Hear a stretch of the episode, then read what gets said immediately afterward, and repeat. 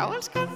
Ég og þú og þú og ég Við saman Já, elskan. Ég og þú og þú og ég Við saman Já, elskan. Já, elskan. Já, elskan. Já, elskan. Já, elskan. Já, elskan Já, veriði velkomin. Ávarpum alltaf hópin. Já, kæru hlustendur, þið eru að hlusta hérna á FM 957, það er auðvitað á kantinum. Hérna. Eh, Við erum mættar hérna með Helenu Jónsdóttur sem að er rosalega uh, inspirational, langar maður að nota, kona sem að hérna, ég var það heppin að kynnast, Já, settist niður, í- til þess að sest niður með þér. Eins og borðum við pítsu. Einu sinni borðuðu pítsu og einu sinni hérna borðuðu við ég ost á hérna mathöllinni akkurat. Og í hvers skipti þá var ég bara svona bara svona eins og svona spurningakeppni. Ég var bara, og hvað, og segð með mér? Og segð með mér, þetta er gett betur. Já það var svona gett betur af því að hérna þú hefur lifað uh, áhugaverði lífi sem að sko við viljum eindreið hvað að fræðast um. Ok, þetta hljóma mjög vel. Mér finnst ég við líka mjög óhæfður sem er þú veist eina ástaf fyrir nefnt að koma eftir klukkan á sex. Ef ég hef ekkert annað að djók, það er bara allt opið sko bara það er bara ekkert að gera. Sem er ástæða fyrir að okkur ég nefndi að hitta ykkur og nákvæmlega. En, en ja, einmitt. Það var nefnilega til þess að ég einmitt kom til Kristjánu og ég sagði, búin, búin að segja þér hérna sögur af Já. Helenu, bara örugglega í svona hálft ár eða meira. mm -hmm. um, Helena semst hefur unnið fyrir Doctors Without Borders. Læknar Og- án landamæra. Læknar án landamæra. á íslensku Jeg Jag for det norske og det heter Leger uten grenser. Oi, prater du svensk? Jeg prater norsk. Jeg snakker norsk. Jeg er sånn litt norsk, ja. Mm. Akkurat verden med jag, jag pratar inte, ja. jag pra, øh, svenska, men jeg forstår litt. Du forstår, men du prater norsk? Øh, Nei. Oh, oh my god. oh my god. Jeg går inn i kammen mitt og går Nice. Hun er litt Oi, mate! Ég tala British. Uh, hérna já, uh, mér langar svolítið mikið að, að fá að vita Mm. hérna ef ég fæ að byrja svolítið að byrjun þú veist. Það var tímavélinn Spólum tilbaka. hvað hérna, þú veist hvað langaði það að gera, okkur endaði þarna? Hva, hver ertu? Ah, sko. Þegar ég var lítil þá gaf mér sjúklega að vera gjaldkýr í banka og var alveg með svona lítið banka út og búið í nokkrum kassum með vinkunum minni. Þannig að við alveg bara, þú veist, já, vorum með svona bara gjaldkýra vélar og byggum til einhver svona einhver, þetta var mjög, þú veist, fyrir tíma tölvutekninar auðvitað. En það breytist nú snögglega. Sko, ég hérna maður sem ekkert, þetta bara eins og allir þá langaði mig að gera alls konar hálfskona og, og, og, NASA, hérna, gemfari og allt þetta. En ég man bara, þú veist, ég var 16 þá byrjaði svona þetta ball og ég var bara eitthvað svona pínu húgt á Palestínu það var í MH og þar voru allir einhvern veginn ógslag svona miklar aktivistar og ógslag flippaðir og, og það var eitthvað svona smá umræða um þetta og ég svona fyrir einhvern veginn að garfa þessi því, ekkert eitthvað brjálað en var svona alltaf, var alltaf að hugsa um þetta, alltaf að hugsa um einhvern veginn börnin á Gaza og börnin í Palestínu og eitthvað svona og var til eitthvað svona smá humanitarian pæling svo mann ég bara alltaf með þetta bak við eira það í daginn, þá þyrfti ég nú, þú veist, ég ætla að vera læknir einhver tíma, þá hefði þetta náttúrulega smelt passað, svo fór ég ekki lækni og eitthvað svona, svo bara las ég bók árið 2000 og ég man ekki hvernig hún konum úr 2009 sem heitir Modnar Jenin og lýsir uh, svo kallið Nakba 1948 í Palestínu sem ég nú er ég bara að fara að grenja af því ég er svo ótrúlega emotional með þetta allt saman. Þar sem bara þetta svona, eh, þú veist, þetta byrjar tókst streytan ekki þar en það, það er svona þegar þú veist Ísraels ekki stopnað og palestínumenn eru reknir af heimilum sínum á vestubakkanum í stórum stíl og flýja í bæði flottamannabúðir og inn á gasa á fleiri stöðum. Og það bara svona brotnaði eitthvað inn í mér. Og ég man bara, þú veist, ég ætla þú veist, hvernig sé ég gera það. Svo bara leið tíminn og ég fer í, þú veist, þarna er ég bara þú veist, ég er í sálfræði þarna og eitthvað svona og var svona, þú veist, byrja að búa til einhverja umsókn og skoða og eitthvað svona svo bara einhvern veginn, æ, þú veist, eins og lífið æ, svo tekum bara aldrei neitt sen eða, já, þú veist, að því ég lifi sjúkla og spennandi lifi í alvöru, sko. Og svo bara, hérna já, svo fyrir maður að byrja, mér byrja maður bara að vinna og það er kannski ágætt að taka fram að svona, bara frekar ung á hvað ég bara eignast engin börn og ekki eiga mann og mér langar ekki picket fence og húsi grái og bara allt fínt með það en það er bara ekki fyrir mig og svo hérna er ég bara komin í einhvern, já, þú veist, vinnu og sem sálfræðingur ég er bara að keira, þú veist, að hverju minnst að degi sömulegin í vinnuna og fer svo bara heim og elda fiskibólur á kvöldin og lifi bara mega boring lífi Ertu klíniskur? Já, ég er sérst klíniskur sálfræðingur Já. og bara, þú veist, elska það og allt það, þú veist, það verður engin, ekkert með það að segja, en þú veist, svo mann ég bara, svo er ég að keira í vinnuna eftir dásalett frí, þú veist, að þriðið smotni og bara, í alvöru helina, ákvæmstu bara, þú veist, að ekki eiga börn og ekki eiga þetta líf, en svo ætlar bara að keira þessa sömu leið í vinnuna þessum eftir ræfinnur og verða 73 ára sálfræðingur í borgatóni. No. Og, þú veist, umsóknin var næstu tilbúin og ég sendi hann kvöldið Vó. og þetta er einhvern veist, ágúst og þú veist, í desember er ég komin á bara svona, hvað heitir þetta, nýliða þjálfun og alls konar, þú veist, örgisúttektir og bla bla bla hjá læknum og landamæra. Er ekkert mál að komast inn í það? Uh, jú, það er lagt mál. Ég, ég ráðleik engum að jú, jú, þetta var alveg hefi mál og það kosti að fylta pening og allt það. En það, þú veist, þetta er ekki vinna þetta er ekki karriér, þú veist, þetta er bara lífstíl já, svo var ég bara komin til Afganistan í janúar, sko, þannig að einhverjum sex mánuðum setna, en það var mikið þú veist, það var alveg streð, ég þurfti að fara í mörgvitul og persónuleika próf, ég þurfti að fara út í einhvern svona ráðningadag þar sem við erum sett undir bara svona ótrúlega svona ekstrím streitu aðstæður og eitthvað. Og já, svo fyrir við gegnum hann eitthvað þjálfunarprogram sem verður þrjár vikur og þar hrundi fólk út líka. Og svo sem sagt fær maður þá bóð um eitthvað að fara eitthvað.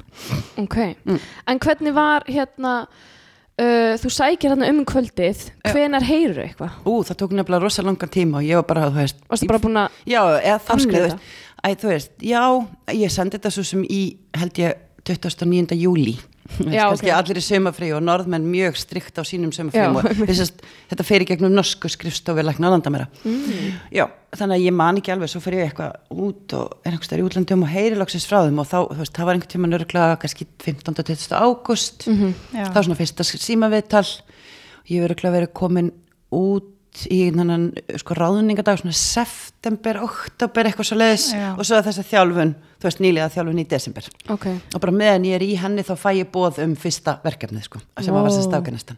Ok. Þannig að- Og er þetta bara eitthvað svona, opna bara skjál og það er bara, Já. þú veist ekkert hvert þú ert að fara? Nei, það bara kemur Já, í ljós. Svona bíómyndatrið, Já. svo confidential. Nei, þú veist, þú færð auðvitað fæ ég bóð en svo er það bara þannig að þú veist, það pína eða þú veist, að þú veist pínu stiltur og bara, þú veist, segir já þú veist, ég saði já alveg góðum þremur verkum til að byrja með og fjórum kannski og þá fæ maður svona þú veist, viltu, hvað viltu gera núna? Þannig að, þú veist, Já, maður vinnur sér já. alveg inn góð stig. Þannig að ég tók svona alltaf erfið verkefni sem að kannski ekki allir voru til í að gera svona til að byrja með, en þú veist, þá var maður svolítið komin auðvitað bara í náðina og búin að sína að maður sé til að leggja þetta á sig og þá fær maður það eins borgað tilbaka.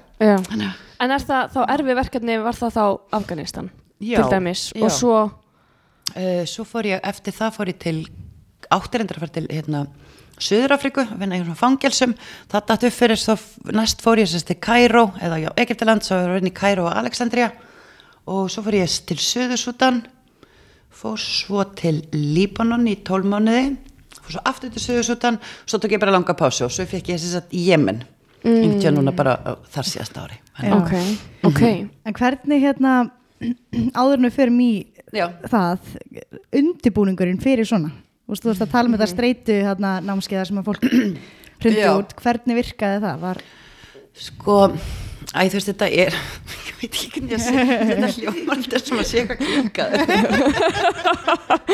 en þú veist, ég veit í alvöru hvað ég á að gera, þú veist, ef að húsið er undir skotarás eða ef mér er rænt eða, Já, já. eða við lendum í crossfire, já. Veist, skor, sko, veist við lendum í milli skort, skotbarda út á götu, veist, sem hljómar þetta bara galið, en hljómar ekkit í þessum heimi, þetta hljómar bara sem mjög sensible hlutir að, að kunna. Að. Já, já. Ég veit ég á ekki fórt í glugga og ég veit ég á að þú veist, já, ég veit alveg hvernig ég á að bregðast við og, og ef það kemur ræningin í veist, hvernig ég á að hegða mig gagvart honum, hvernig ég á að róa niður, hvernig ég á að láta hann hafa pen, eða skiljið þig Vá. og þetta bara, já, ef að hérna við lendum í crossfire, þá veit ég að ég á ekki skrindi bílinn og ég á þess að henni skrindi, æ, þið veit og þetta hljómar þetta alveg galið. En ég myndi, þú veist, fyrsta sem ég myndi gera var að finna næsta bíl og skriða undir hann Já, Var já, það ekki? já, nei, það má ekki, af því þá getur hann, þú veist, hann getur, ef það er bensin í bílnum, hann getur sprungið, sko, ef Já. að bílinn fær skoti í sig og, og svona ýmislegt, já. Hvað Já, maður að gera? maður á að þú veist, fyr- fyrst að, já, maður er bara að komast sem langt, þú veist, skrýða þú veist, út í næsta Já, skurð eða í næsta felustað og eitthvað svona. Já, þú veist, það sama bara að við erum að kenna okkur þó, að þú veist, ef við erum tekin til fanga og erum gíslar veist, hvernig við hafa okkur gaggat mannræningjónum? Við erum að reyna að vingast við þá og gera okkur hjúman og hvernig við erum að lifa það af bara þú veist, að búti rútínu einhvern einhverju litum klefa einhverstaðar og eitthvað skamta sér matinn og wow. ég veit þetta hljóma svo fálega þetta hljóma svo sjúkla aðlilega fyrir mér. Já, þetta er samt svo magnað Já, sko, en málið er að þess, þess að sko, það er ástæða fyrir að ég ákvað fara með læknum að landa mér en ekki einhverjum öðrum. Ég vil ekki vinna fyrir sko saminuði þjóðanir að NATO að þeim ásöku, það er nú bara svona ég er friðarsinn og allt það, en það er líka að það er líklegra að slík samtök verði fyrir ára sem heldur en læknum að landa mér því við vinnum á hvað, við fyrir hlutlustinu svæði. Sinnum öllum, tökum ekki afstöðu erum ekki í samvinnu við ríkistjórnina endilega eða þannig en líka bara að læknar landa mér að hafa sínt og sannað bara að þau taka öryggið sjúkla alvarlega. Já, og þú veist, við vorum að vinna þess bara í Afganistan á rosa hættulegum stöðum mjög hættulegum. En við vissum alltaf nákvæmlega eða þú veist, það var bara gert svo góð áhættugreining að maður veit einhvern veginn alveg nákvæmlega ok, þú veist, það er ennþá veist, það er ennþá svona langt í að talibanarnir séu komnir og við vorum með það góður upplýsingar að maður einhvern veginn svona og öll þessi bara öryggistjálfun já, veist, það var gaur hérna til dæmis sem var að kenna okkur þetta allt saman, fyrst var ég auðvitað bara er hann að kitta mig eða? Er þetta að djóka, er hann að kenna mér þetta? En svo var hann svo geggjaður og hann var svo með þetta og fór svo langt ofan í þetta, já, og svo bara ef þið lendi í mannræningi og hann öskrar á okkur að þá bara, þú veist, farið að græn og bara leika alls konar fyrir okkur. Og þá var maður einhvern veginn bara, hei, ég treysti mér alveg í þetta, þetta er ekkert mál, af því að þetta er einhvern veginn gert svo ógeðslega flott, sko. Búið að setja mann svolítið í aðstæðanar svona í, já, í já. roleplay setting Já, einhverju. alls konar, sko, og hvað, þegar ég man að þú sagði mig frá því sko að hérna að eh, þegar sagt, þú ert með fólkið þitt í símaskráni Já, en þú mátt ekki skýra til dæmis mömmuðina mamma. Nei. Af því að, já, hva- hva- Já, sko, það er kannski annir ástæðan fyrir því að að hérna, mér þykir það að vinna fyrir það því það auðvitað gerist að mannúðar sem starfsfólki er rænt. Það er auðvitað bara, þú veist, bæði glæpahópur og stöðun að fá peninga, en líka bara einhvers svona pólitískum þrýstingi og alls konar til þess að ná einhverju fram, svona hriðjuverka pæling og mjög er að læknar og landamæra hafa mjög skýra stefnu við borgum aldrei við semjum aldrei við reyningjana, mannreiningina þannig að, að það fara, bara, fyrir strax að staða eitthvað svona task force einhvers staðar á einhverjum stað í heiminum sem er bara þú veist, fjöldi fólks að vinna því dag og nótt að fá þau tilbaka. Og byrja að sérst ræða við mannræningina og eitthvað svo leiðis en aldrei að semja við þá þú veist, í peningalegum tilgangi. Eitthvað lausnar, nei, hvað heitir það, lausnar lausnagjaldi en svo leiðis af hverju er það? uh, af því þá erum við búið bara til meiri hættu, þá erum við að gefa skot eða þú veist, erum við komin í skotlínuna þá vita mannræningja það að það er að búið til góðan business að ræna okkar fólki og Já. fara bara í þann bransa. Sem er bara mjög gjarnan málið hér og þar, bara í Jemen er það bara mjög algengt. En þeir hafa sérst ekki gert það við okkur en þá allavega, jú, það, það hefur endar gerst en þú veist, það er svona það mink, segja minki líkunar að því. Málið er auðvitað ég verið með mömmu í símanum mínum og mannrænni getnir neyðið með þess að opna síman og ætla að ringi einhvern sem þau vita muni bara panikera og borga þá ef þau sjá mamma þú veist að þá hérna, ringja þau, bara svona lítið atriði. Já, sem er bara, en mamma var mjög sár þegar hún sá að hún hétt ekki mamma lengur. Ég vissi ekki þetta, hvað er ég, Gunnila er ég Gunnila ég var mamma þetta gæti mögulega að borga lífi mínu. Ok. Að það var líka með þegar fórst til Af- Afganistan að, að hérna utaríkisraðniti mátti eiginlega ekki vera með neina skrá, skrásetja það að þú værir. Eða sko já, þau vildu að ég væri á skrá hjá þeim. Já. af því að ástandi var ótryggt og þau auðvitað bara að vera með borgaraþjónustu við sitt fólk og, og vildu í umhyggju þú veist, að bara vita af mér. Þannig að þau gætu þá ef eitthvað kemur upp á unnið í því að fá mig heim. En það má ekki, eða þú veist, það vildi ég ekki. Af því að ég vildi bara vera ekki á utaríkisraðunitisins vegum heldur á þú veist, lækna á landamæra vegum að það er, er, er það þannig sérst að utaríkisraðaniti, hvort sem það er íslenska eða hvað, Mhm. að þau eru einmitt gjörn á að borga líka lausnafjára sko nú bara, nú kem, kemur að tóum kofin, ég veit það bara ekki. Já, veist, já, já, nei, ég bara veit það ekki. Ég, veist, já, ríki heimsins þau fara í alls konar skipti og eitthvað svona dótari og svona einhverju pólitíska pælingar og eitthvað. Og það bara getur fínt borga sig og allt það en það bara hendar ekki okkar einhvern veginn vinnu, umhverju og starfsemi og eitthvað svona Er, þa, er það alveg svona einstakt fyrir læk, lækna á landamæra að, að sko vinna aldrei með ríkinu? Er það eitthvað sem að saminnið þjóðunar eða, eða þú veist önnur, aðra stofnanir eiga til? sko, saminu þjóðnar eru náttúrulega á vegum hvers ríkis Já, veist, þannig að bara uh, afganska ríkistjórnin veist, er, reyndar ekki alveg núna, en þið veitir þannig að Rauðikrossin er einu verið svolítið háður því sama, að hann vinnur þess, það er Rauðikrossir á svæðinu og hann er oft sest, bara styrtur á ríkinu og stopnum landskriftstofa Já. Rauðakrossins Já. í Afganistan og já. Uh, við höfum hins vegar, veist, það er bara önnur leið til að vinna hlutina. Uh, ástæðan fyrir að við getum oft verið bæði sko snögg inn og, og síðust út líka er að uh, við njótum oft meira tröst frá báðum aðilum veist, frá báðum stríðandi aðilum mögulega. Talibunum og Afganistan já, á okkar spítala komu bara bæði talibanur og, og, og hérna einhverju afganskir hermenn Já. veist, sem sjúklingar. Og þú veist við sérst, hugmyndin okkar, hugmyndafræðin sem við vinnum eftir er að veist, við tökum ekki afstöðu erum hlutlaus. Og hérna þannig að þú veist, þá eigum við betra með að uh, semja okkur inn og út sko. Bara um þá bara vopna hlið Nei, nei, nei, við komum aldrei neins svoleið, sorry. Uh, Já, sérst, það eru þetta það er oft sko mm, í stríði eða einhverju svona þegar stríðandi fylkingar eru. Þá er þetta svona ákveðið veist, að reyna að taka heilbreyðsjónustu af sérst, hefta aðgengi ákveðna aðila að heilbreyðsjónustu sem er bara partur af stríðshernaðinum uh, og það er auðvitað eitthvað sem bara, já, við, við sjá og það er ástæðan fyrir að við erum veist, inn á stöðum. Í sem sagt, það sem við höfum verið að það eru kannski e, ríkistjórnin kannski með töklu haldir en hérna, einhver stríðandi fylkingar að reyna hérna, eitthvað. Og þá er öllum fylgismunum þeirra og einhverjum ákveðnum þorpum eða landsæðum þau bara exklútið frá heilbyrðiskerfinu af því að þau eru ekki á bandi þú veist, Einmitt. og eðlilega, eða skilur já, ég meina, já, já, bara herrtaktík ykkur. Já, en það er eitthvað sem að við reynum að sem sagt, gera aldrei og, og vera náttral Já, Þannig að- einmitt. já. þannig að þú kemur til Afganistan og þú ert að vinna á spítala. Mm Mhm.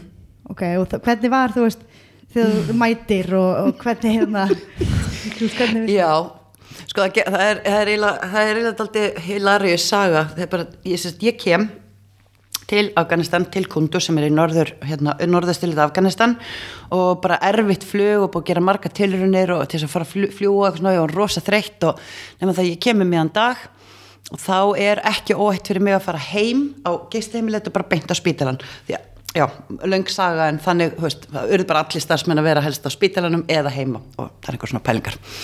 Nefn það, svo kem ég þarna og, og ég bara, þú veist, nýbúin að kasta með farangrunum og er búin að hitta sérst, teimið mitt þegar það kalla bara emergency hérna inn á, inn á uh, hvað heitir þetta? bráðmótöku sem er ekki alveg bráðmótöku að borga spítalans fallir puttabrotnir og þar er sérst að tjón með lítið bann hann er fimm ára. Og þau eru bara í öngum sínum og eru öskrandi og æpandi af því það er sérst að hugmyndin um hvort að það sé hægt að bara bjargunum eða ekki hvort þetta bjargunum eða aflimann og það er bara þú veist, hræðilegt ástand. Og Hvað hérna kom fyrir? þá hafði, ég man ekki hvað það var hvort hann hafði, jú hann, það er mjög algengt að það eru svona gamlar sprengjur á, þú veist, sem eru bara bæði land, alls konar landmenn sem líka bara, þú veist, ósprungna sprengjur hér og þar. Og hann hafði eins og mjög mörg börn landa á svona svæðum og hann hafði sérst haldið þetta verið fótbolti og sparkar í sprengjuna, Já, sem er mjög algengt. Okay. Nema það, hann er hérna, honum er ekki huga líf og ég er einhvern veginn fenginn strax til að bara hlúa þeim með sagt, einum samstagsmanni mínum komum með túlkarna og eitthvað og við erum að reyna að hlúa þeim og þau eru algjörlega lengur sem og öskrand og grátandi auðvitað bara eins og var. Svo kemur sagt, læknirinn til mín eftir smá tíma og segir, herðu, við gáttum ekki bjarga á honum, gæti verið tilkynnt það og ég bara, já, ekkert mál. Og ég fer fram og með samstagsmanni með mér og túlkin og við setjum snið með fóreldrunum og við tilkynum þeim það að bara við hefum ekkert geta gert neitt frekar og, og allt það og þau svona bara, já, ok, herru, takk fyrir það. Uh, hvernig getum við farið með hann heim? Og ég er nýkomin þú veist, ég hefði basically komið til spánar ef þetta er líka við. Malaga. djöfussins pakk þau eru ekki einu svona sorgmætt Já. fyrir bara fyrst af stað og ég var bara í algjöru sjokki. Ég bara hvernig getur fólk verið svona kaldlind oi, og var bara dómar, dómar, dómar bara litla forréttinda skvísan frá Íslandi bara þú veist, nýbúin að leggja hvítus glasi frá sér á, þú veist, kastur og flugvilli og bara eitthvað, oi, bara stað og hérna voru þið þá bara ekki að meðtaka hvað jú, gerst, eða? algjörlega. Var og bara tökum fyrir sig og við einhvern veginn hérna náum í, eða sérst, gerum það þannig að bara líkið er búið til og þau bara fara með að dáið barnið sitt heim. Og hafði algjörlega verið í öngum sínum áður þau voru grenjandi og Já. allt það. Og ég bara eitthvað og, og þú veist þetta stressa að vera nýkomin og það voru sprengingar í nágrenninu og þetta var Sem þú heyrðir allt svolítið- bara standfast já, já, búm, og- búm og eitthvað svona, þetta var allt svolítið yfirþyrmandi. Og ég lappa inn og skrifstofu til hérna til yfirmanns minn sem er sem sagt þeim, að þeim tíma belgiskur og ég rýf upp urðina og ég var að kastlas fucking hland er ég komin í? Hvað það rugglar þetta? Hann bara wow, wow, wow, wow, wow. Hver er þú, alveg, bara ég, ég er Helena, nýja sálfræðingurinn. Bara þú veist, og bara randa og hann bara, heyrðu, litla hvita forrönda skvísa, viltu ekki setja það? Og ég bara ok, hér erum við að tala um fólk. Ég veit ekki um þau. Þeir eru búin að búa við hérna, veist, stríð í 30 ár. Uh, það er mjög líklegt að þau eigi fyrir börn og mögulega hafi mist einhverju af þeim áður uh, og allir í kringum þau hafa mist börn og þannig er það bara. Og hérna það er ekkit ólíklegt að þau hafi meiri sé að eignast, eða þess að fólk eignast fjöldamörg börn hér til þess að, veist, vitandi það að þau munu missa einhver af þeim. Og þetta er bara, þú veist, hvað er það sem að bjargráð, þú veit og, og hérna, og þau bara, þú veist nú bara þegar þetta gerist þá er það bara, ef það er vilji alla þá er það bara þannig, takk og bless, búm Mm þetta voru fullt af fólki sem sýrði því bönni veist, og ég er ekki að segja að það hafi ekki sýrt þau. Nei, nei, en, þú rosaleg já, alveg en veist, þetta seinir manni bara hvað maður er hérna, já, eitthvað, ég er með litla kvítisglasi mitt eitthvað á spáni, þú veist, eitthvað og, já, haldandi hafa, veist, einhvern veginn Já. kynnt annari menningu Já, þetta var alveg galin byrjun. Og, en ótrúlega góð lærdumur bara fyrsta, fyrstu klukkutímin eða eitthvað já, svona ég var bara, ég var, kannski búin að vera hérna í 40 myndur Ég man þess eftir þegar við fórum til hérna í, í útskriftaferð í Tyrklandi. Það var einmitt bara nákvæmlega þetta bara við erum hérna, þú veist, ótrúlega heppin að hafa alveg upp í landi þar sem þú mátt vera á sundhutum, þú veist, eða, eða getur í rauninni hegða þér Já, já. eins, eða hi- hins einn nema það að það var svona, þú veist eitthvað svona hróki í öllum hérna okkur bara eitthvað við ætlum sko að sína við ætlum bara, þú veist, við ætlum bara ekki að láta segja okkur neitt hvernig við eigum að vera. Ætla bara að vera berbrjósta. Ég ætla bara að berbrjósta og bara fríði nippul þetta var fríði nippul var hérna þú veist, sem, Mhm. mm við ætlum bara að gera það og við ætlum bara að sína en bara og kenna, sína stelpum að það er allt í lægi með það og, Mhm. en þú veist ekkert að pæla sko, þú veist, hvað með það að virða einmitt, einmitt, eða kannski þú veist, þú getur ekki sem sett í þessi spór eða Já. byrjað að reyna að skilja sko. Og eins og bara margar vinkunum mína ég segjum svo sem ekki þú veist, í Taliban, undir talibansku yfir áðum núna en margar vinkunum mína bæði frá Afganistan og frá Egyptaland og fleira að segja sko veist, við þurfum ekkit ykkur vestrannu konundandi þess að kenna okkur eitthvað um mannréttindi sko. við sjáum alveg um okkur sjálfar slagiði bara á. Við, hérna, við skulum berjast fyrir okkar gerir þið bara ykkar. Já, Þannig að- einmitt. Já. nákvæmlega. Mm, ég man alltaf svo eftir hérna þú sagði mér að það var kynst ungri stelpu mm, sem að hérna uh, fegst hérna lest hann að fá síma já. má segja það já, já, við skulum ekki segja í hvað landi. Nei, ok, ok, ok, okay. Æ, það er svo sem augljóst. En já, eða þú veist svo við getum bara svona, tala svolítið almennt um þetta en þú veist, þannig eru þetta uh, konur sem hafa svo sem fengið tækifæri til þess að menta sig og gera alls konar. En þessi, og þessi unga kona talaði sjö tungumál og var held í 21 á þessum tíma búin að menta sig mikið og alveg eldklár og var tólkurinn minn og var bara einstök manneskja en hún fylgdi hún þér þá já, fylgdi mér alltaf já, eða, já. svona mjög viðsinn upp að ákveðinu marki en svo áttaði ég mig á því bara þegar við fórum að tala saman að hún auðvitað sko bæði er aðgangur að alls konar vefsvæðum og annars líkt bara mjög takmarkaður í Afganistan en svo hún sem kona hafði bara engan aðgang að ákveðnum upplýsingum og hérna og hún var til dæmis sko algjörlega obsessed af því að ég væri ekki múslimi. Og var mjög hvað við segja, bara örvendingafull yfir einhvern veginn að reyna veist, hún er ekkert með trúar ást að gera neitt þannig, hún bara svona já, hún Helena, þú veist, þú fer til helvitis. Og hún hafði alveg ofbúslega ágjör að mér. Mm. því að þú veist, já, það er svona já, ákveðnar kreðsur í sérst muslima trú sem að, að ef að þú trúir ekki á þeirra eða veist, með þeirra hætti að þá sértu sagt infidel. Og þá eigiru ekki yngangu í himnaríki og ég er svona bara já, skan, og ég skil það og allt það en þú veist, ég held að hérna, já, já, og bara eitthvað, veist, ég skal bara hugsa það og eitthvað svona. En hérna, svo þetta gef ég henni gef ég henni síma á einhverjum tímpúndi eða gef henni og ég sett, hún fær aðganga síma og ég bara svona aðstöðuna við það. Þegar og þá bara opnast fyrir henni heimur og hún bara babba, byttu nú við er eitthvað til sem heitir þróunarkenningin? Nei og alveg og þetta var svo, svo rosalt. Þannig að við talum bara alveg ótrúlega vel mentað og frábæra stelpu. Hún hafði bara ekki aðgangað upplýsingum. Og þú veist, hún liði alveg fínu lífi þannig, þið veitir en, og ég veit ekki hvort ég gerði henni greiða eða hvað sko. Að bara opna fyrir henni einhvern heim sem að já, ég veit ekki hvort það er betra að vera blissfully ignorant sko. Já. eða einhvern veginn. Já, Og hvað? Talaði hann svo eitthvað við þig eftir þetta? Sko, svo vandin er að, að hérna uh, ekkit löngu setna að þá er spítalinn okkar sprengtur í tællur og ég veit að hún misti veist, allar sínar eigur að því hún var að vinna þennan dag og eitthvað svona þannig að ég, þú veist, svo, já, ég hafði aldrei neitt möguleika að hafa samband við hennar sko. þannig ég var hann að fara bara eftir viku og já þannig að varst að fara viku eftir að þessi sprenging? Nei, eftir að þess að ég, hún fær þennan síma og, og, og svona byrjar að skoða þessi þessum mm. En þið fáið þarna einhvern, var það ekki þannig að þið þurftið svolítið að evacuata að rýma spítalan og það var allt alþjóðlegt starfsfólks rýmt eða Já, fenguð eitthvað fyrirvara já, já, já sérst, við, veknu, já við veknum hann bara, þú veist, það var búið að vera uh, svona doldi mikið um bara stríð og loftar á sér allan tíman svo í apríl að þá byrja talibanar þeir sendu út Hvað varstu lengi? Já, nýjum manni í nýju mánuði. í Já, Afganistan? Vá,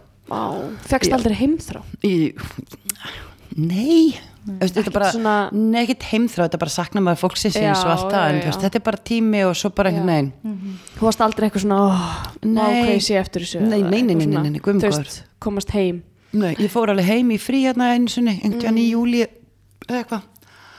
En hérna já, sem sagt, svo dásalegt að svo sko í apríl að það senda talibarnar út fréttatilkynningu og tilkynna árlegt svona, svona vorherferðina sína og það byrjar svona auknars hérna, stríðsárásir eða já, árásir eða að taka borgina og svo vöknum við bara í daginn um miðan nótt við það að við heyrum bara að þú veist, það er allir stríðsrastu komið miklu, miklu nær okkur þannig að við bara pökkum alls svona daldi róla í töskur og vitum það alveg að þú veist, það er ekki langt eftir uh, og þetta er einhvern veginn hérna í bara lók september, kluðast 29. 30. september og já, við bara tökum, pökkum í einhverju svona neyðartösku og svo kemur eitthvað 5-6 um morgunin bara, þú veist, inn fundur og þá erum við sérst, verið að ræða það að það sé verið skilin eftir einhver fjögramanna nöðsynlegt læknateimi og yfirmaðurinn en restin eitthvað 15-16 manns bara östu verið að flytta í burtu.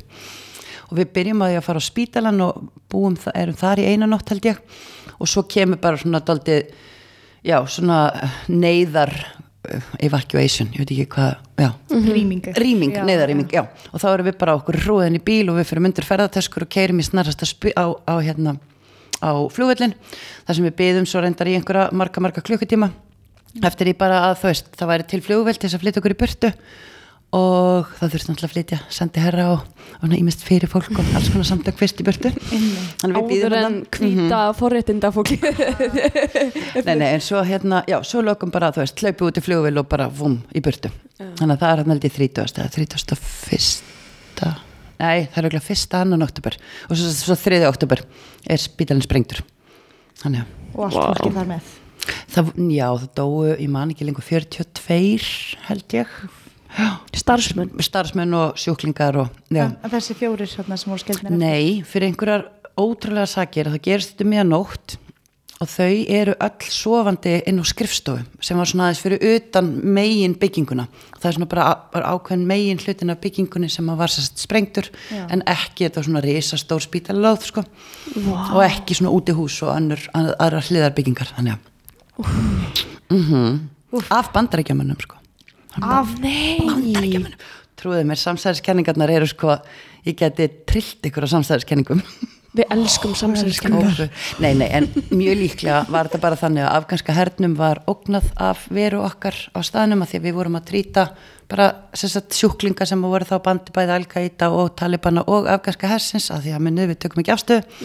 Þeim, í- þú veist, það er, er ólíklegt þeim að verið ógnað af okkur og gefið vilsur upplýsingar eins og núna er alltaf verið að tala um þú veist, á Gaza að þú veist um, ef að uh, stríðandi fylking notar spítala sem að má alls ekki samkvæmt alþjóðlegum uh, sprengja spítala en ef þau nota hann sem her einhvern veginn gagn eða sem tóli í hernaðinum eins og á Palestínu er sem sagt hafa Ísæsmenn sagt að þeir hafa verið að gema vopnin á spítalanum og séu undirgöngin, séu undir spítalanum og þá er einhvern veginn hægt að réttlæta að ráðast á spítala.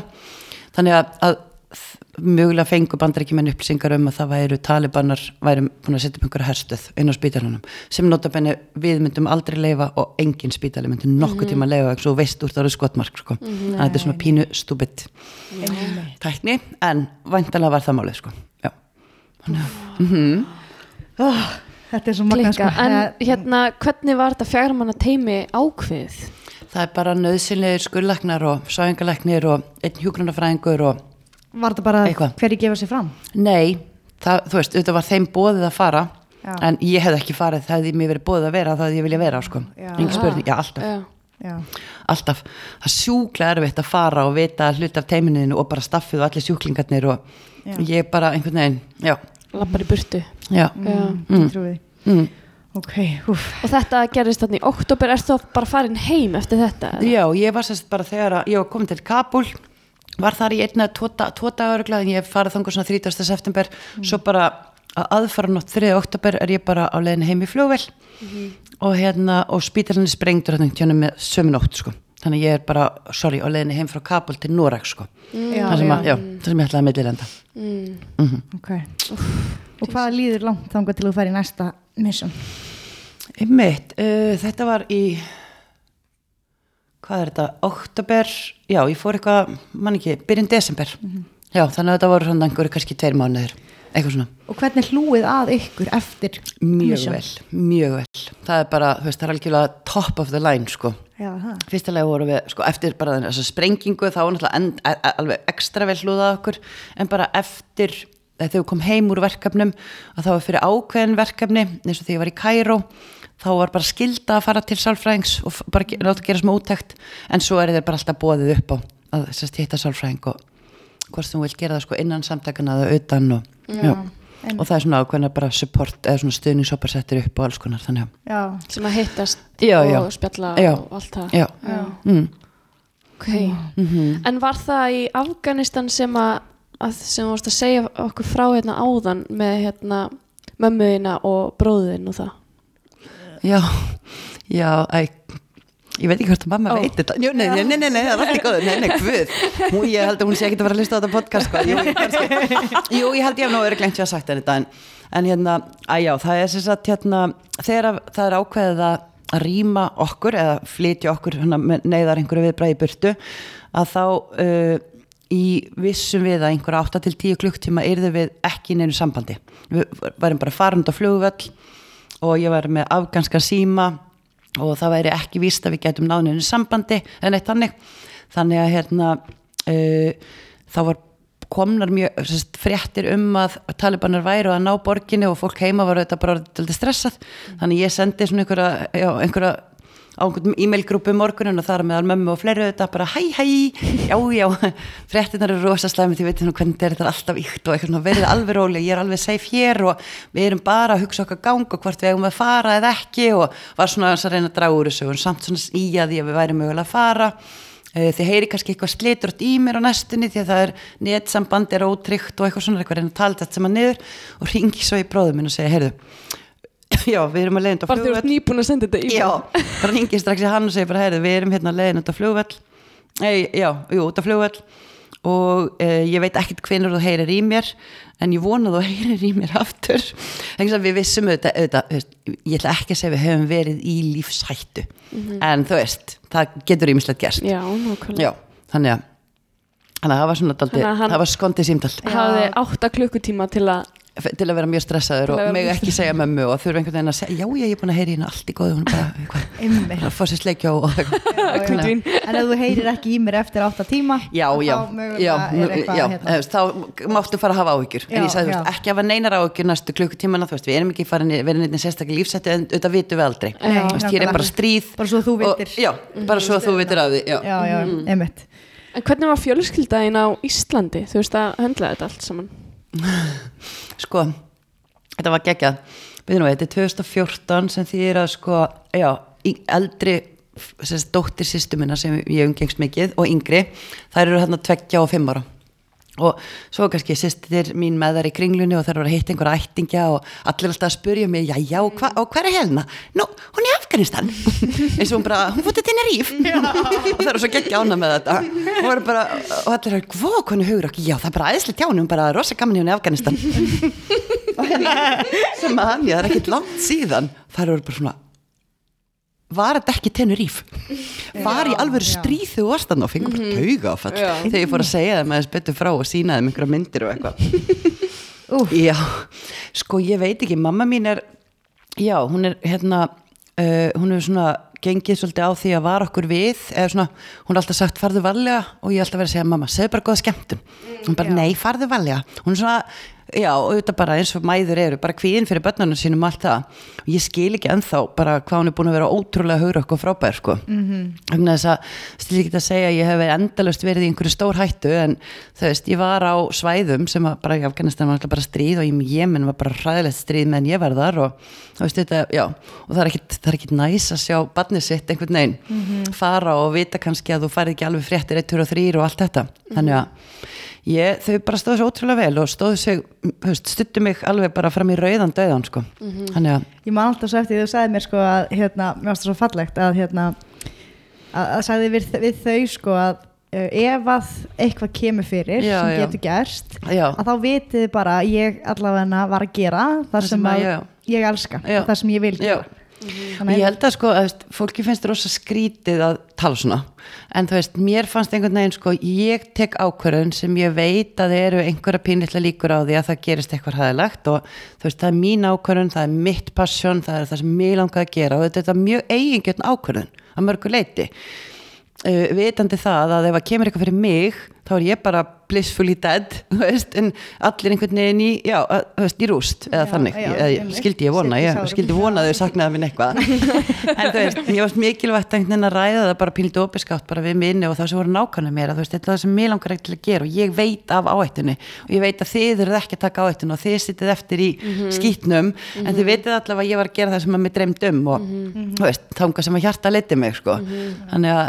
að já, einhvern veginn deyja sáttur. Eða þú veit, Já. ef, ef, ég, ef ég mætti velja hvernig ég myndi deyja, þá myndi ég deyja þarna fyrir ekki alltaf að deyja í bílslýsin og hverjaskötunni nákvæmlega, nákvæmlega. Ertu ekki hrættu döða? nei, það held ég ekki. Bara, nei, ég er bara ekki kvíðin. Þú veist, ég bara hérna nei, ég er Ó, bara ekki já, sko, en svo, svo er alveg magna ég veit ekki hvort það á bara heima í svona en svo svo ógeðslega fyndistelpur nú er ég 50 og ég hef aldrei verið kvíðin og bara aldrei verið sérstaklega stressu típa, ég bara hlutinni reddast og ég tek á þeim og ég gerir bara eitthvað betur og bla bla bla. Svo er ég sko búin að vera að breyta svona einhverju breytingarskeiði og ég bara vakna mótnan með kvíðin út í mann og ég bara, já, heyrðu, svona er þetta þá? Já, Já. ég bara vissi það ekki. ég bara hafði ekki hugmynd um hvernig það væri að vera kvíðin. Og ég einhvern veginn sem betur fyrir er það búið. Já. þannig að ég er mér fegin því. Já. og Já. en núna get ég einhvern veginn svo miklu betur skilið þú veist, allt þetta fólk sem er búið að koma til mér sem sálfræðing sem gegn tíðina. Já, bara, já. Já, hvernig því raunverulega líf, ég hef bara aldrei upplifað þetta.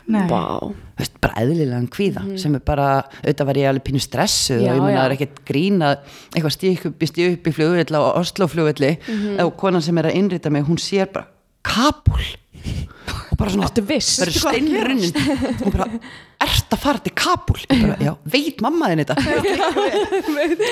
þetta er þetta er þetta stressandi en Já. allt eðlilegt, þú veist, bara það er bara eðlileg viðbröf við pínu óeðlilegum aðstæðum, sko já, já. Þannig að, En varðstu eitthvað svona kannski bara líka smá ónæm fyrir mögulegum hættum eftir að hafa farið í þessa þjálfun? nei, nefnilega ekki ónæm heldur öfugt? ennþá meira meðutið Já. Já. Já, já. já, og ég held að það sé svolítið punkturinn við þessa þjálfun. Er að veginn, ef þú ert ónæmur fyrir henni þá getur þú sett þig og það sem er ver miklu verra er að allt heimið þetta í hættu. Já. og það er veist, það er bæði verið að gera þetta bara til að venda hvern og einn en líka bara ef að einhver tekur ranga ákvörðun í bara þú veist, þú ert bara að keira einhver staðar úti og tekur bara þú veist, ég verið á stað þar sem að, sagt, við vorum nokkur, ég var endur ekki með bílnum en það voru nokkur að keira og á flestum þessu stöðum á aldrei taka myndir neinstaðar, þú veist, fyrir utan bara spítalan eða hérna heimilið okkar af því það er bara mikil paranoia gagvart einhverjum andspilnu reyfingum og einhverju svoleiðis. Og þar var bara kona sem að tekur myndir og hún stopnaði bara veru lækna landamæra í Jemen í hættu veist, okkur hefði getað bara öllum hend út sko. þannig að þú veist, það er, já, ég held að það sé kannski ástæðan fyrir því að veist, þetta er ekki bara verið að vernda líf og lim einhvers eins einstaklings að þú farið þér ekki að voða. Heldur líka, veist, við erum bara við mjög brotektar aðstæður og það er Þeir búið að setja kannski í hóp líka. Já, og bara búið að setja okkur mjög þröng skilirði þú veist, við erum búin að semja um að fá að vera inn á við ríkistjórn kannski um að fá að vera inn einhverju svæði þar sem andspyrnarhefingin er og þau eru búin að ákveða að leifa okkur það þrátt fyrir að vita að við séum einhvern veginn að mögulega, eða þú veist, það sé Já. það vera okkar sé að einhverju leit að vinna gegn þeim. En þú veist, þá erum við undir einhver ákveðnum skilirðum og ef við hlýðum ekki þeim skilirðum að þá, þú veist, erum við raun og vera að setja bara allt í uppnám, sko. Þannig að það er alltaf hort á okkur sem í rauninni heildan eða einn, þú veist, fer eitthvað út fyrir ramman þá er bara eru algjörlega. allir undir spotlight já, já, algjörlega já, og let's, eða, þú veist, það er bara þannig að við hef til dæmis bara átt ég var á leiðinni í ákveði verkefni áður en ég fór til Jemen held ég, man ekki. Þá átti ég fara til Eþjópíu, þar sem var nýbrotist út bara mjög erfitt stríð í tígra hér og þar var uh, einn starfsmöður frá okkur veist, erlendur og tveir innlendi starfsmöður drefnir og við þau, þú veist, við lókum strax. Bara veist, loka þá að já bara spítalanum öllu bara, já, bara allir bara, allt, bara ón, veist, allt, verkefnið rýmt og við, þú veist, það tók heilt ár að fara inn aftur sko. Og þarna eftir að spítalan okkar var sprengtur í Afganistan voru allir fluttir heim, öllu lokað bara, þú öllu alþjóðlegu starfsfólki já, öllu. allt út já. Og er þessu lokað af ykkur? þú veist, Já, við á- tökum þær ákvarðanir. Og við þetta tökum, þú veist, eins og bara þegar ég var í Jemen að þá var á ákveðin tímpúndi uh, öryggi okkar að við taldum ógnað af því að segjum, við, getum sagt að þú veist, við hefum svona uh, hvað ég segja, mögulega ekki alveg hlýtt hlutleysinu nógu vel eða eitthvað, svo ég orðið þetta svona einhvern veginn þess að gefa neitt upp. Og þá var alveg hugmynd um að bara, þú veist, loka, fara að loka okkar hluta, þar voru reyndar reyka spítala með uh, sem sagt, ríkistjórn húþí eða heilbreyðsarhundi húþíana En þegar þið lokið svona, Mhm. hvert leitar fólk þá? það er máli ekkert, það hefur Ekkert, mögulega það ekkert, ekkert. Nei. eða mjög dýra annarkvært mjög dýra heilbreyðsjónustu mjög lélega eða bara ekkert. Og þetta er þetta líka ákveðið þú veist, við segjum við, þú veist, ríkistjórn sem að ógnar okkur, þá förum við. Veist, og það eru þetta ákveðið tæki í okkar höndum að segja, þú veist, vilt í alvöru að lenda í þeirri stöða að hérna eru 1,3 miljón sem að þú veist, þannig að ef þú tryggir ekki örugjakkar þá getum ekki verið hérna, er það það sem þú við veist, Já, þetta er já, þetta já. bara tæki í bargaining power því já, við höfum ekkert mikið bargaining power því þú veist, við erum ekki með vopn og við höfum ekki pening og við gerum ekki svona hins einn en þú veist, bargaining power þegar okkar er að þetta veita lífsnöðslega þjónustu sem fólk hefur ekki aðgang að og stjórnin hefur ekki bolmagt til þess að reka. Einmitt. Þannig wow. en ok, þú fer næst til Egiptalands mm hvað varst að gera í Kæró? Sko þar við vorum með hérna svona heilsugjastlu eða svona klínik fyrir sagt uh, kynfyrsofbeldis og hvað er þetta? Pyntinga. Og sagt flóttamenn. Já, Já, og hérna þá er þá flóttamenn aðalega frá svona Sub-Saharan, Somali og Eþjópi og fleiri löndum og Sútan og Suðsútan og svo sagt, Sýrlandi og Írakum og fleiri löndum já. og þau eru þá all Kæró er í rauninu rosa stór, einstór flottamennamöðstöð þó sé ekki flottamennabúðir þar það er bara gríðalegt magna af, eða gríðalegu fjöldi af sagt, flottamennum sem eru annarkvort bara búin að flýja stríð og ætla að vera í Kæró eða huga á einhvern veginn frekari ferðalag til Evrópu og það er mjög mikið af, af flottamennum sem fara upp til Aleksandriju og reyna að komast þar á báta til þess að komast yfir. já, já. er ekki Lebanon líka þannig, það er ekki margir Jó, ekki rosalega margir frá Líbanon það er rosalega mikið frá, eða sérst, núna er aðeins draumurinn frá Aleksandri eða, eða Ekefellandi og svo Líbíu. Já, er svona, já, Líbíu. það er auðvildast að leiðin til þess að komast yfir já, já, ég meina Líbíu. Já, Líbíu, akkurat. Hún er hann að vinstra megin, ekki hægra megin. Já, hérna vinstra megin á kortinu. Já, var vinstra megin. En bara að því að mér finnst svo gaman að minnast að hún er hérna hún er hérna suðvesta með við miðjarðarhafið. Miðjarðar. Miðjarðar. út frá hverju? Hver segði að þetta væri miðjörðin? Bara svo við hérna, mér finnst alltaf svo ég fatt þetta ekki fyrir ég kom til þessara landa þau alltaf bara miðjarðarhaf. Er, er really, er Evrópa sem sagt miðjörðin í já, já. og við erum hvað? Östurlund nær, nei byrju hvað kallið þið okkur aftur? Já, nær hverju? Hafið aldrei pælt Ég hef aldrei pælt í þessu. bara svona smá miðjarðarhafið, af því að við sjáum alltaf bara kortið sem okkur í er þetta, hver sagði að þetta var í miðinni einmitt Já, magna maður. Vá. Og það fara flest frá Afríku, Sub-Sahara Sútan ástæðar, koma, fara í gegnum Kæru upp til Líbi og. Já. þaðan upp með, gegnum miður að hafa til Já, Ítalíu, Greiklands að gegnum að- hérna, Egyptalandi eða Líbíu og svo upp í, þess að til annarkvort þá Ítalíu eða hérna Greikland það er svona, já, okay. og þið voru sérst, af því að það náttúrulega er rosalega oft þannig að ég man alltaf eftir að ef þú ætlar að vera sko flótamaður sem kemur allar leiðin til Íslands já. þá þarftu helst að vera sko búin að sérst, vera með rosalega góðan smiklara af því um leiður komið fingra að fara einhvers þar í Evrópu að Já. það má senda það tilbaka til þess Já. lands þannig að ef sko, þú sækir um hæli þessast fyrsta landið innan ákveðin svæðis að þú sækir um hæli þar og ert komið fingra að fara að læta skrá þig að svo getur þú reynd að fara eitthvað annað og það er bara það sem á allt fólk sem er að koma hingað, að langflest sem koma hingað þetta kom ekkit fyrst, til- fyrst til Íslands Nei, nei.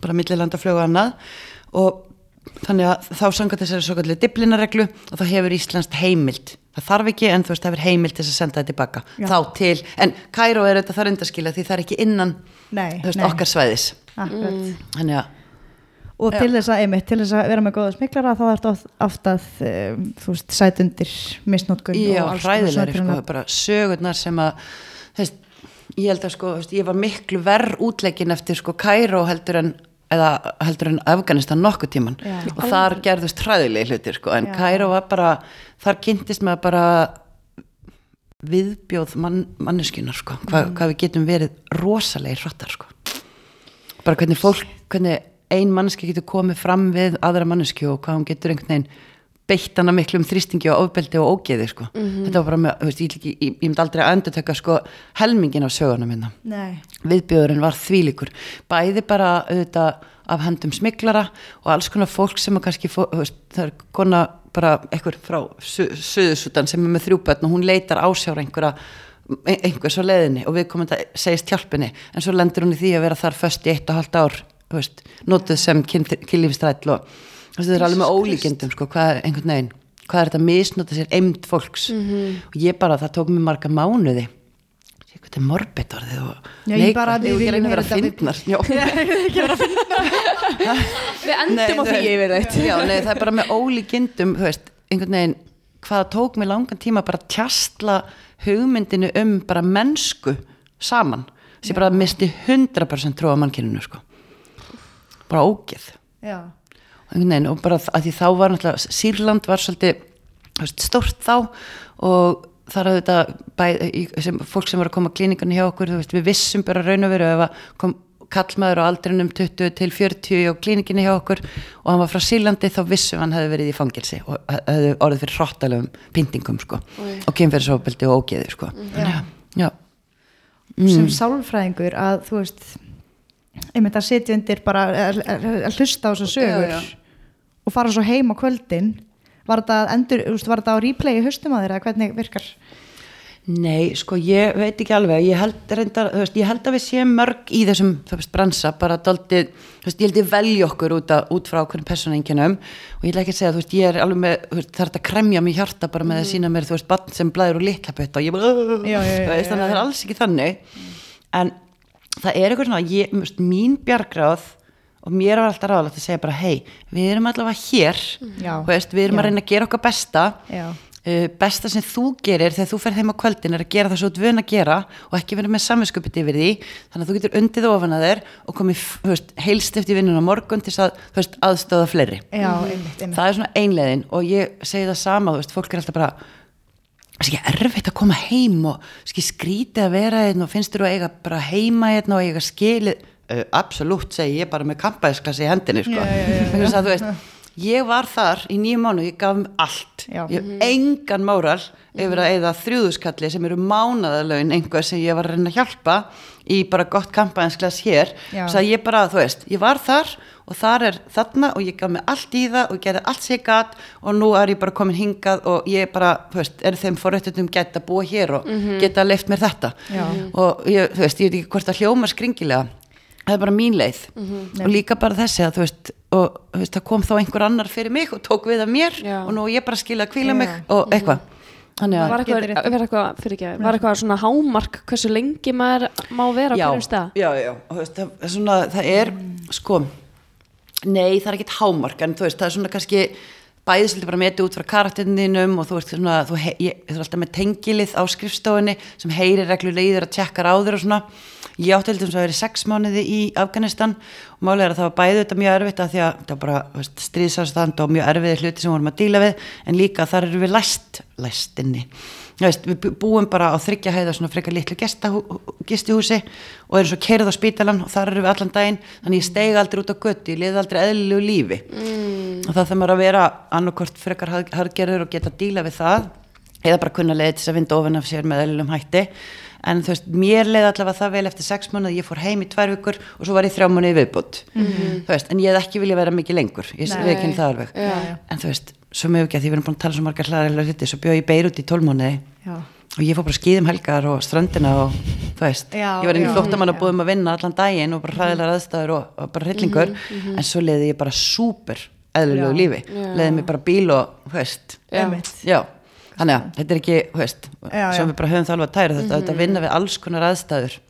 Ég meina, það bara fyrir þig, þú veist, að geta gert þessa hluti þegar þú ert ekki í vinnunni það er náttúrulega líka bara kannski gott fyrir heilanámanni, þú veist, að geta kúpla sér algjörlega út Já, úr eimdini og mér finnst það bara rosa mikill sölubuntur fyrir, þú veist, fólk sem getur hugsað sér að fara í þetta, þú veist, auðvitað er það er rosa gefand að vera við svona hardcore aðstæður og einhvern veginn að, þú veist, vera að finnast og gefa og, og allt það og það er einhvern veginn líðhrúkslega vel við það líka. En svo líka bara næs að geta farið í svona smá luxusverkefni á og til og fengið að lifa bara eðlilegu lífi á meðan þú gerir mögulega samt sama gagn og við hinar aðstæðunar, sko. Þannig að ég held að sé bara svona nöðsynlega blanda Já. en auðvitað þú veist, sumverkefni eru þannig að þú veist, það er kannski 6 til, 3, 6, eða svona, já, 6 til 12 vikur hámark, en svo sumverkefni bara, þú veist, 12 mánuðir, 1 og halvt ár eitthvað, Já, þannig að allt er í milli sko. Af hverju 6-12 vikur? Er það eitthvað svona mjög brútalaðstæður eða hvað? Já, það getur bara verið að þú þurfir að þú veist, vera, þú veist, að kannski á meira við um, sko, eins og bara veist, lækna sem eru kannski bara eini svæfingarlæknir á spítalanum, eini erlendi Já. svæfingarlæknir á spítalanum þú veist, eitthvað svona, þannig að það getur verið bara á, þú veist, 12 tíma vöktum allan tíman og bara sof ekki, veist, heila nótt. Já, já. þannig að það er svona bara mismöndi en svo getur þetta líka, jú, bara verið mjög brútal aðstæður. Ég segi það, veist, ég var í Jemen í sex mánuði ég hef alveg kosið að hafa stittra Já. Þú veist, ég verði að viðkynna það, það reyndi rosalega á það var líka COVID reyndar þannig að það var svona daldið mikið að takmörkunum og alls konar en þú veist, það reyndi sjúklega á. Hvernig í? Það var bara allt það var eitthvað, já, það var bara já, veist, já ég held að kannski svona eftir á higgja þá er það, þú veist ég er, mér veist ekkert máli að sjá blóð og alls konar og, en ég óbærslega er með að sjá fólk þjást en börn. Já. og þú veist, þarna voru við að vinna á, á hvað heitir þetta fæðingadeild og barnaspítala og með svona nýbura, þú veist, hérna gjörgæslu og annað, og þarna dóu kannski bara, þú veist, 10-15 börn á viku, sko. Og flest úr hungusneið eða algjörlega svona sjúkdömum sem hefði algjörlega verið hægt að koma í veg fyrir ef að heilbreyðisaðstæður og allt væri og bara þekking fólk svo hann að væri í lægi sko. þannig að það tók á, ekki þannig þú veist, ég kom ekki dýrúst heim. En þetta bara eitthvað og svo var þetta bara erfitt veist, þetta er, við erum að vinna þarna á svona svæði það sem eru sérst húþjar uppreisna menn og rosa mikil paranoja gagvart okkur. Og já og kon og við þurftum að vera sko konur ganga þar í svona nýkapp sem er bara opið fyrir augun. Þannig að það var, það var mjög miklar svona haftir á því hvort, hvernig við mættum umgangast kallmenn og ég mátti ekki fara eind á götu og það var alltaf eitthvað kallmenn með manni og svona, þú veist sem að auðvitað, það er bara að upplifa hverjum degin er auðvitað bara vanar og fæðist inn í en þú veist, fyrir okkur var þetta bara, já, mér fannst það erfitt. Já, já, mm. einmitt. Það er Já. frelsi þitt svolítið skert já, þú veist, já, til að eh, reyna að lifa eins eðlegu lífi og þú getur skilur Já, annað, sko, ef við auðvitað hlýðum ekki menningar svona, og, og bara félagskröfum þarna og hegðum okkur ekki svona næstu því eins og bara heimamenn, þá erum við þetta bara skotmark. já, auðvitað, að, mm, auðvitað. en ekki það, við þurftum ekki að vera í svona nýkapp, en þú veist, bara að, þannig að það engung gæst sá séð í andlitað okkur og svona mátti helst ekki sjá stjóliðina og alls ekki ökla eða, þú veist, neitt Já. skinn þar, sko. einmitt. Já, þetta er í Jemen já. já, En svo má ekki glema því að það var sko 45 stiga hiti þegar ég fór heim og var búið í nokkra mánuði já, og ekki komin vesti tíminn og kannski svona 80% raki wow. þannig að þú veist maður fór, í? Jú, maður fór í ískalda styrtu og ég var að svitna í styrtunni oh í sturtunni sko. Já. þannig að já, ég, ég gleyma nefna það ég held nú kannski svona eftir á að hyggja ég kannski áttaði mikið á því þar en ég gleymi bara aldrei þegar ég kom svo til Sanna sem er höfuborgin sem að stendur í þú veist einhverju 2000 metra hæð og er bara allt annað lofsla heldur en það sem ég var í norður Jemen og hann bara já, það er actually hægt að líða vel í nokkra sekundur sko. þannig að þetta var pínu crazy já, já. Jesus. En hvernig var svona leit svona venjulegur vinnudagur út hjá þér til dæmis bara í byrjum á Afganistan Já, uh, byttur við, þegar það er upp, jú, sko, mér minnir að þetta hafi verið, þetta er yfirleitt þannig á svona hættu stöðum eða þegar við erum að fara inn í hættulega flóttamannabúðir eða eitthvað, að þá erum við alltaf keirið ángað.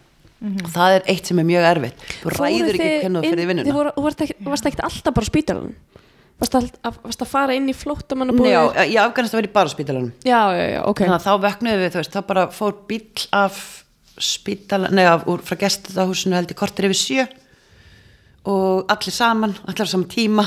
Það er ekki, þú veist, þú sefur ekkert yfir þig þetta er svona, þetta er Já, skrifin já. pæling. Þú veist, það er auðvitað við mættum mætti vinna klukka nýju eða eitthvað en þú getur alveg komið 500 yfir Já. eða eitthvað svona, eitthvað, þú veist, já, ég veit það ekki. Já, eitthvað, ákveð að taka leigubíl í vinnust að fara að lappa eitthvað, Já, ég veit það ekki. En hérna, ekkert val með það og svo einhvern veginn, jú, svo komum við bara á spítalan bara eitthvað tímindra að keira og ég man ekki hvort við hefum verið svo til eitt þá erum við kerð heim í mat aftur kortir yfir tvö og við vinna til hálf sjö held ég á spítalanum. Og svo fyrir við heim. En svo auðvitað er, veist, er þetta að kalla okkur út eftir það. Þannig að ég var svo sem ekki mikið köllu út það gerist bara af og til, kom ykkur neða tilfellu upp á en það var svona ætlast til að við erum ekki að ferðast á milli nóttinu nema að veri bara lífshætta. Og við yrðum að vera á staðnum til að berga málum sko. já, einmitt. Mm. En og þú svona varst aðalega í svona, svona sá- sálgæslu Já. hlutverki Já, veist, þá erum við eins og þar vorum við með fimm starfsmenn sem voru svo sem ekki sálfræðingar en kannski með BS prófi sálfræði, einn með bara kennari, þú veist, eitthvað já. þau voru raun og veru bara titluð sem svona uh, mental health ráðgjafar eða geð heilbriðis ráðgjafar Já. og þannig er ég bara, þú veist, aðalmáli hjá okkur er við erum reynum að gera sem minnst sjálf en reynum að þjálfa og svona handleiða sem mest þannig að ég var svo sem með einhverja skjólstæðinga bara hjá mér, líka bara að því að ég var að kenna þá var ég með þau þú veist, ég var að gera tímana og þau voru fylgjast með mér þannig að ég var voru svo sem þá hérna uh, sem sagt bara starfsfólk frá Starfsfólk frá eða- já, já, já, já, þá er já. það bara innlendi starfsmenn sko. yfirleitt Já, já, er þetta þannig að við erum kannski veist, við erum ekki eins og 5% sko. já, ég man ekki ég menn hvort það voru 600 eða 700 starfsmenn og ég held að við hefum verið 18 já, Þú veist, ok. þannig að ég, ég meina, við, við erum í raun og veru hugmyndin er að við komum inn auðvitað með ákveðna þekkingu og bara frá hérna, utan að koma að því að þannig er oft bara auðvitað heilbriðskerfi hrunið og mentakerfi hrunið og annað slíkt. Um, en ekki síður líka að við viljum síður eða það er svona á- ákveðin regla hjá okkur að setja innlenda starfsmenn ekki þá aðstöðu að vera í stjórnulhlutverki þar sem er hægt að hóta þeim múta. Já. Já. Já, þannig að erum, það er líka svolítið verið að taka þá byrði af þeim. Já, þannig að ef þú ert veist, afganskur læknir þá áttu ekki möguleika kannski að verða endilega yfirlæknirinn. Af þeirra ástæða þá ertu komið peningaveld og getur ákveðið hvernig þú ræður og þá er einhvern veginn komið tökla haldir í hverjir eru ráðunir og annars slikt þannig að þetta er svona einlega til þess að forðast ákveðna bara spillingu. Einmitt. já. um mitt er þetta sjálfbóðalega starf? já, sko, já, algjörlega. Þess að ef þú ert að vinna til dæmis bara fyrir Rauðakrassin eða Júin eða eitthvað þá ertu með margfald meiri laun heldur en við fáum borgað. Sko þú færð sem að þetta hendar bara mér sem var svo sem ekki með neitt kostnað heima meðan ég get bara leikt út íbúðuna mína ég með sér seldi allt sem ég átti og bara átti ekki til það heima meðan þá sko held ég að fengi 140.000 fyrsta árið Já. í launamánuði. En þú veist fæði uppihald með sér pínu dagpenninga sem voru eitthvað 6 dólar á dag eða 12 dólar á dag og af því þurfti ég að borga fæði og þetta húsnæði, allar ferðir bólusetningar, þjálfun og fæði rosa mikið að bara námskeiðum og annað slíkt. Já. en já, held ég að við fengið þarna fyrsta árið er svona kallað það desert year, þá er svolítið strí, strípaður. Og ástæðan er í raun og veru til þess að sko, sérst, við leggjum gríðarlega áherslu á að þetta er ekki karriér, Já. við viljum ekki að fólk einhvern veginn vinni fyrir okkur engungu af því að þú veist þetta er bara, þú getur byggt karriérin þinn þarna, Já, Þú veist, já, já. hugmyndafræðin er að reyna að laða að fólk með hjarta. Já. og þú þurfur að hafa svolítið fyrir þessu. Og þú, já, einhvern veginn þurfur að leggja svolítið á þig til þess að geta látið þetta gerast. Sem að mjög margir, þú veist, ég á vinkonum sem að gera þetta þryggjára fresti, hún er uh, bæklunar skurðlagnir í Nýja Sjálandi og hún vinnur ég man ekki hvað þetta er, eitthvað 8% yfirvinnu í hverjum einasta mánuði til þess að geta farið á svona 2-3 ára fresti í launað frí til þess að vinna þannig Í launað frí. í launað frí. Tekur sér aldrei suma frí og ekki neitt sko.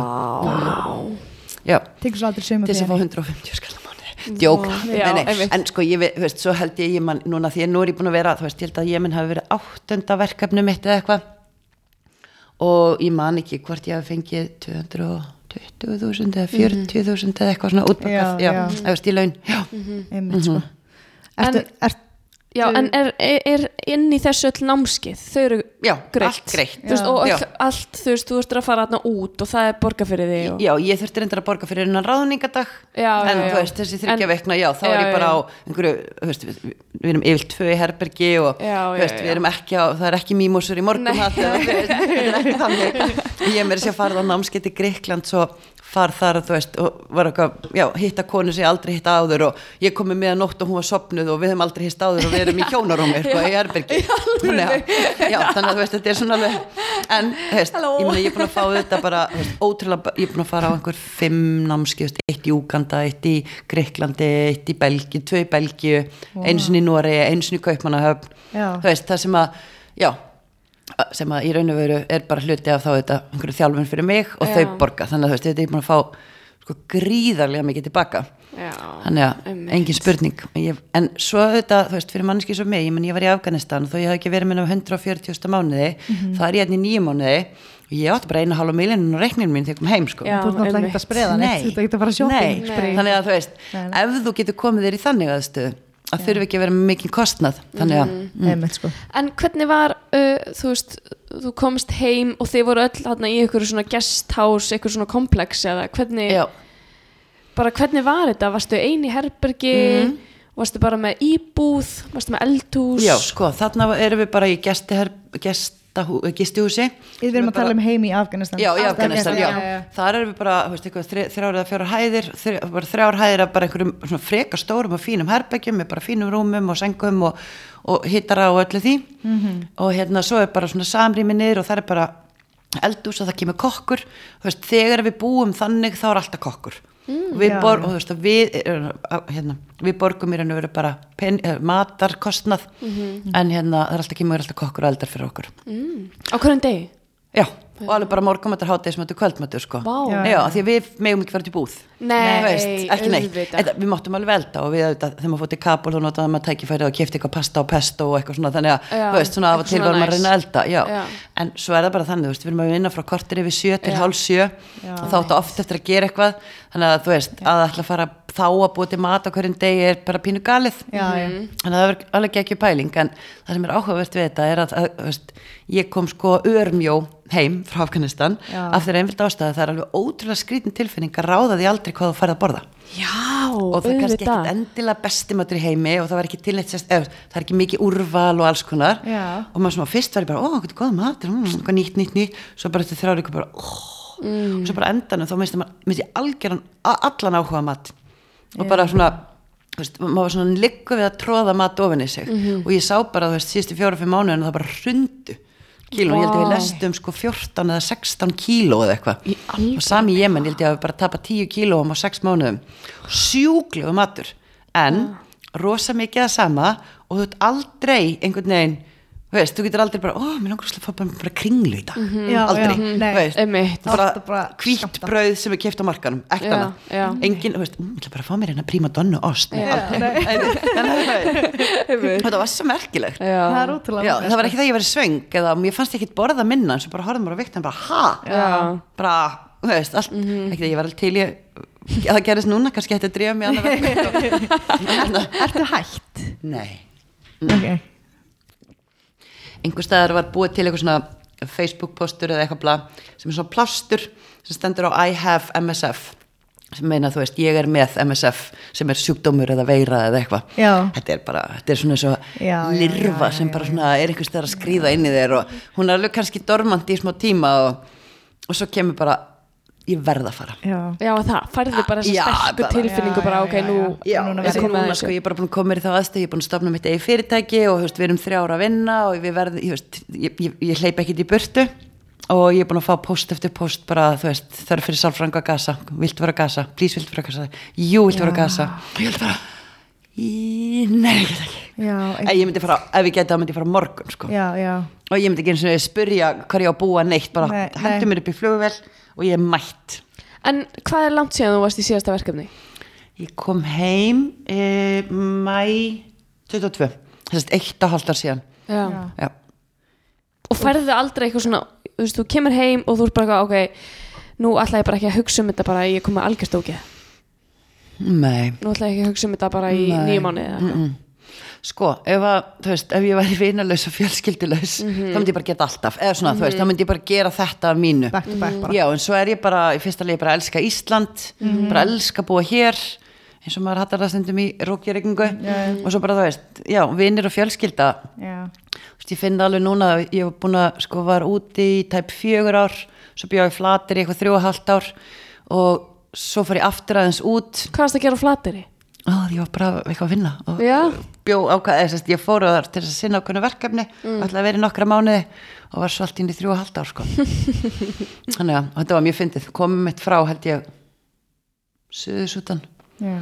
og bara Beint á flateri? mánuði setna, já eitthvað, þreim veikum setna flytti ég á flateri sko. Bara back to the core. Að- og einhver, einhver hérna grínaðist nú með það frá einu hamfara svæði yfir einmitt. eins og flateri var þetta líka því eitthvað við hérna með söðusutan. Alveg, já, þú hefur ekki ferðast. Okkur en svona. svo er bara, já, já, það má gera grína öll Já. Nei, þetta er ótrú, já, þú veist, ég veit ekki ég held að hérna þetta bara hendar mér ógeðslega vel ég er ógeðslega góð í því sem ég er að gera mér gengur ógeðslega vel uh, ég er rosa auðvelt með að ná einhvern veginn fólkinu með mér. Þú veist, margir heldur einhvern veginn að fyrsta lagi bara því ég var sálfræðingur því að ég er svolítið svona hörð og, og svona óþölum og típa bara, ætla þú að vera að vera sálfræðingur? Það kom ekki þér vel, svo er ég bara svona góð í því. Já. og eitthvað, og svo einhvern veginn ætla þú að fara þarna út og óþölum og það er bara að berja einhvern sko, ég bara, nei, það er bara ekki þannig. Ég, þetta bara, já, það er eitthvað við þetta sem að ég, ég þarf einhvern veginn að setja mig einhverja stellingar og verð bara ókslega góð í því. Já. og já, mér bara langar eða þú veist, það er ótrúlega mikil vöndun á, þannig ég er alltaf að reyna að selja fólki, var eitthvað, Ingeborg bara please, viltu fara, hún er svo típan í þetta sko. Hún er svo mikið ég típan í þetta, Ég sko. er alltaf, ég, ég 100% ég, ég kannast svo mikið við þessar lifur sem það bara blossar upp sko, þú veist, ég liggu við svona, nei, ég ætla ekki að hitta aftur, ég ætla ekki að eyða meiri tíma í þig. Ég hef ekki tíma til Ég er þess. komin á móðguð. tíma, Já, sko. ég er bókuð, þannig að þú veist ef þú ferð ekki, þá hittist við ekki aftur. Nei, en þú veist,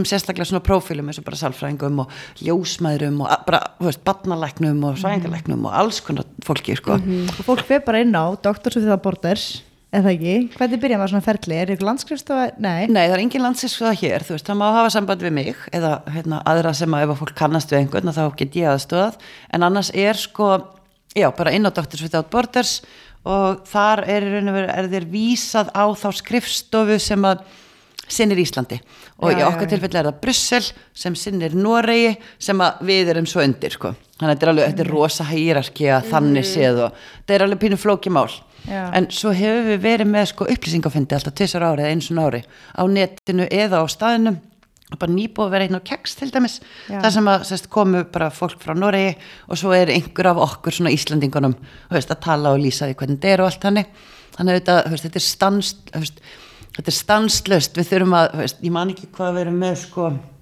verkefni í 70 löndum Já. Þetta, og í hverju landi kannski þrjú fjögur verkefni sko. þannig að þú veist að við þurfum að manna það af alþjóðlegu starfsfólki uh, mjög mikið og já, þannig að þú veist við erum stanslöstu þetta að reyna að fá en á sama tíma verðum við að gera mjög miklar kröfur. Þannig að þetta er svolítið erfitt, við erum að draga til okkar að skoðu fólk og svo segjum við bara nei, nei, nei, nei, nei. Þannig að þetta er alveg flókið. Hva, hérna, þarf maður að vera læknir eða með hérna, mm, alls ekki. Þetta er nefnilega, þú veist, læknar á landamæra er svona daldið misvísandi nafn. Mm þú veist, það eru bara, þú veist, ímyndaði bara allt sem þarf til að reka spítala þú veist, við þurfum alveg, sko, þar sem við erum í uppbyggingu þurfum við bara arkitekt eða verkfræðing með þessi, þú veist, það þarf þetta starfsmannahald og fjármálafólk og, og svo þarf oft bara svona upplýsingafólk og svona einhverja stjórnmálafræðinga eða alþjóðasérfræðinga eitthvað. Og það er svona kannski meira á aðalskrifstunum í höfuborginni svo þurfum við bara að lækna og stundum sjúkraþjálfara, hjúgrunafólk, livjafræðinga það veist, allt svona heilbriðismenta starfsfólk mjög mikið. Þannig að og svo er það sem að svona logistikarar sem er svona píni eins og bara liggur við svona rönner á svona kvikmyndasetti ég held að ég myndi svona típan Já. sem bara kann allt, getur allt, getur skrúa eitthvað saman getur náði kók, getur kampantað inn getur Græjari. já, laga bílinn eitthvað, gert besta bensíndílinn eitthvað svona, græ, Já, svona já. græjari Já. þetta heitir logistiker þannig að það, það er þetta mjög fjölbreytt störf í raun og veru Hvað eru margir Íslendingar í þessu núna?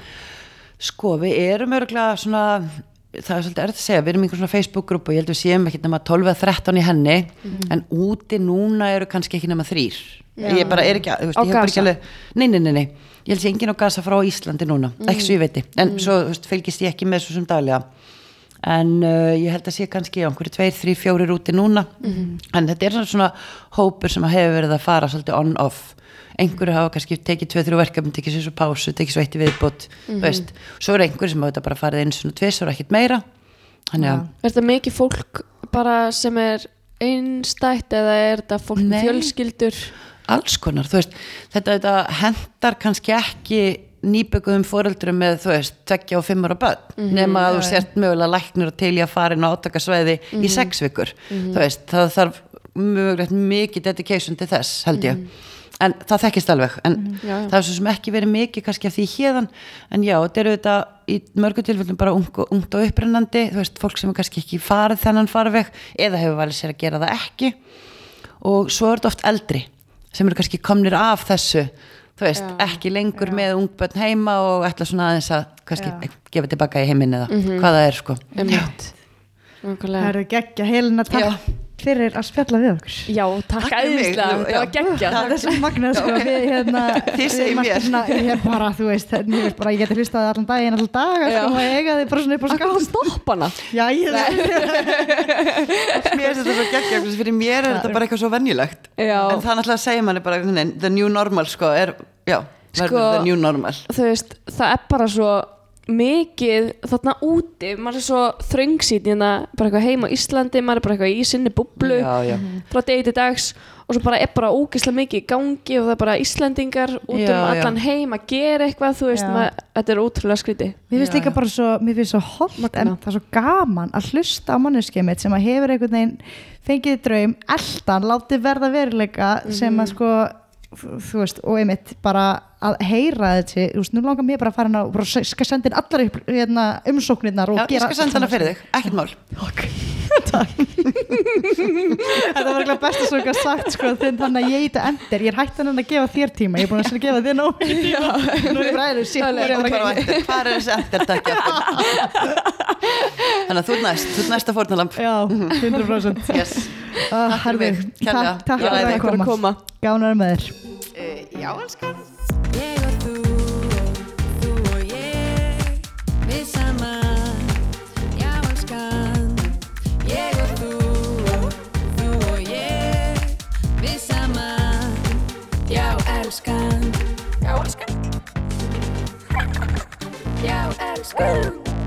Já elskan, já elskan, já elskan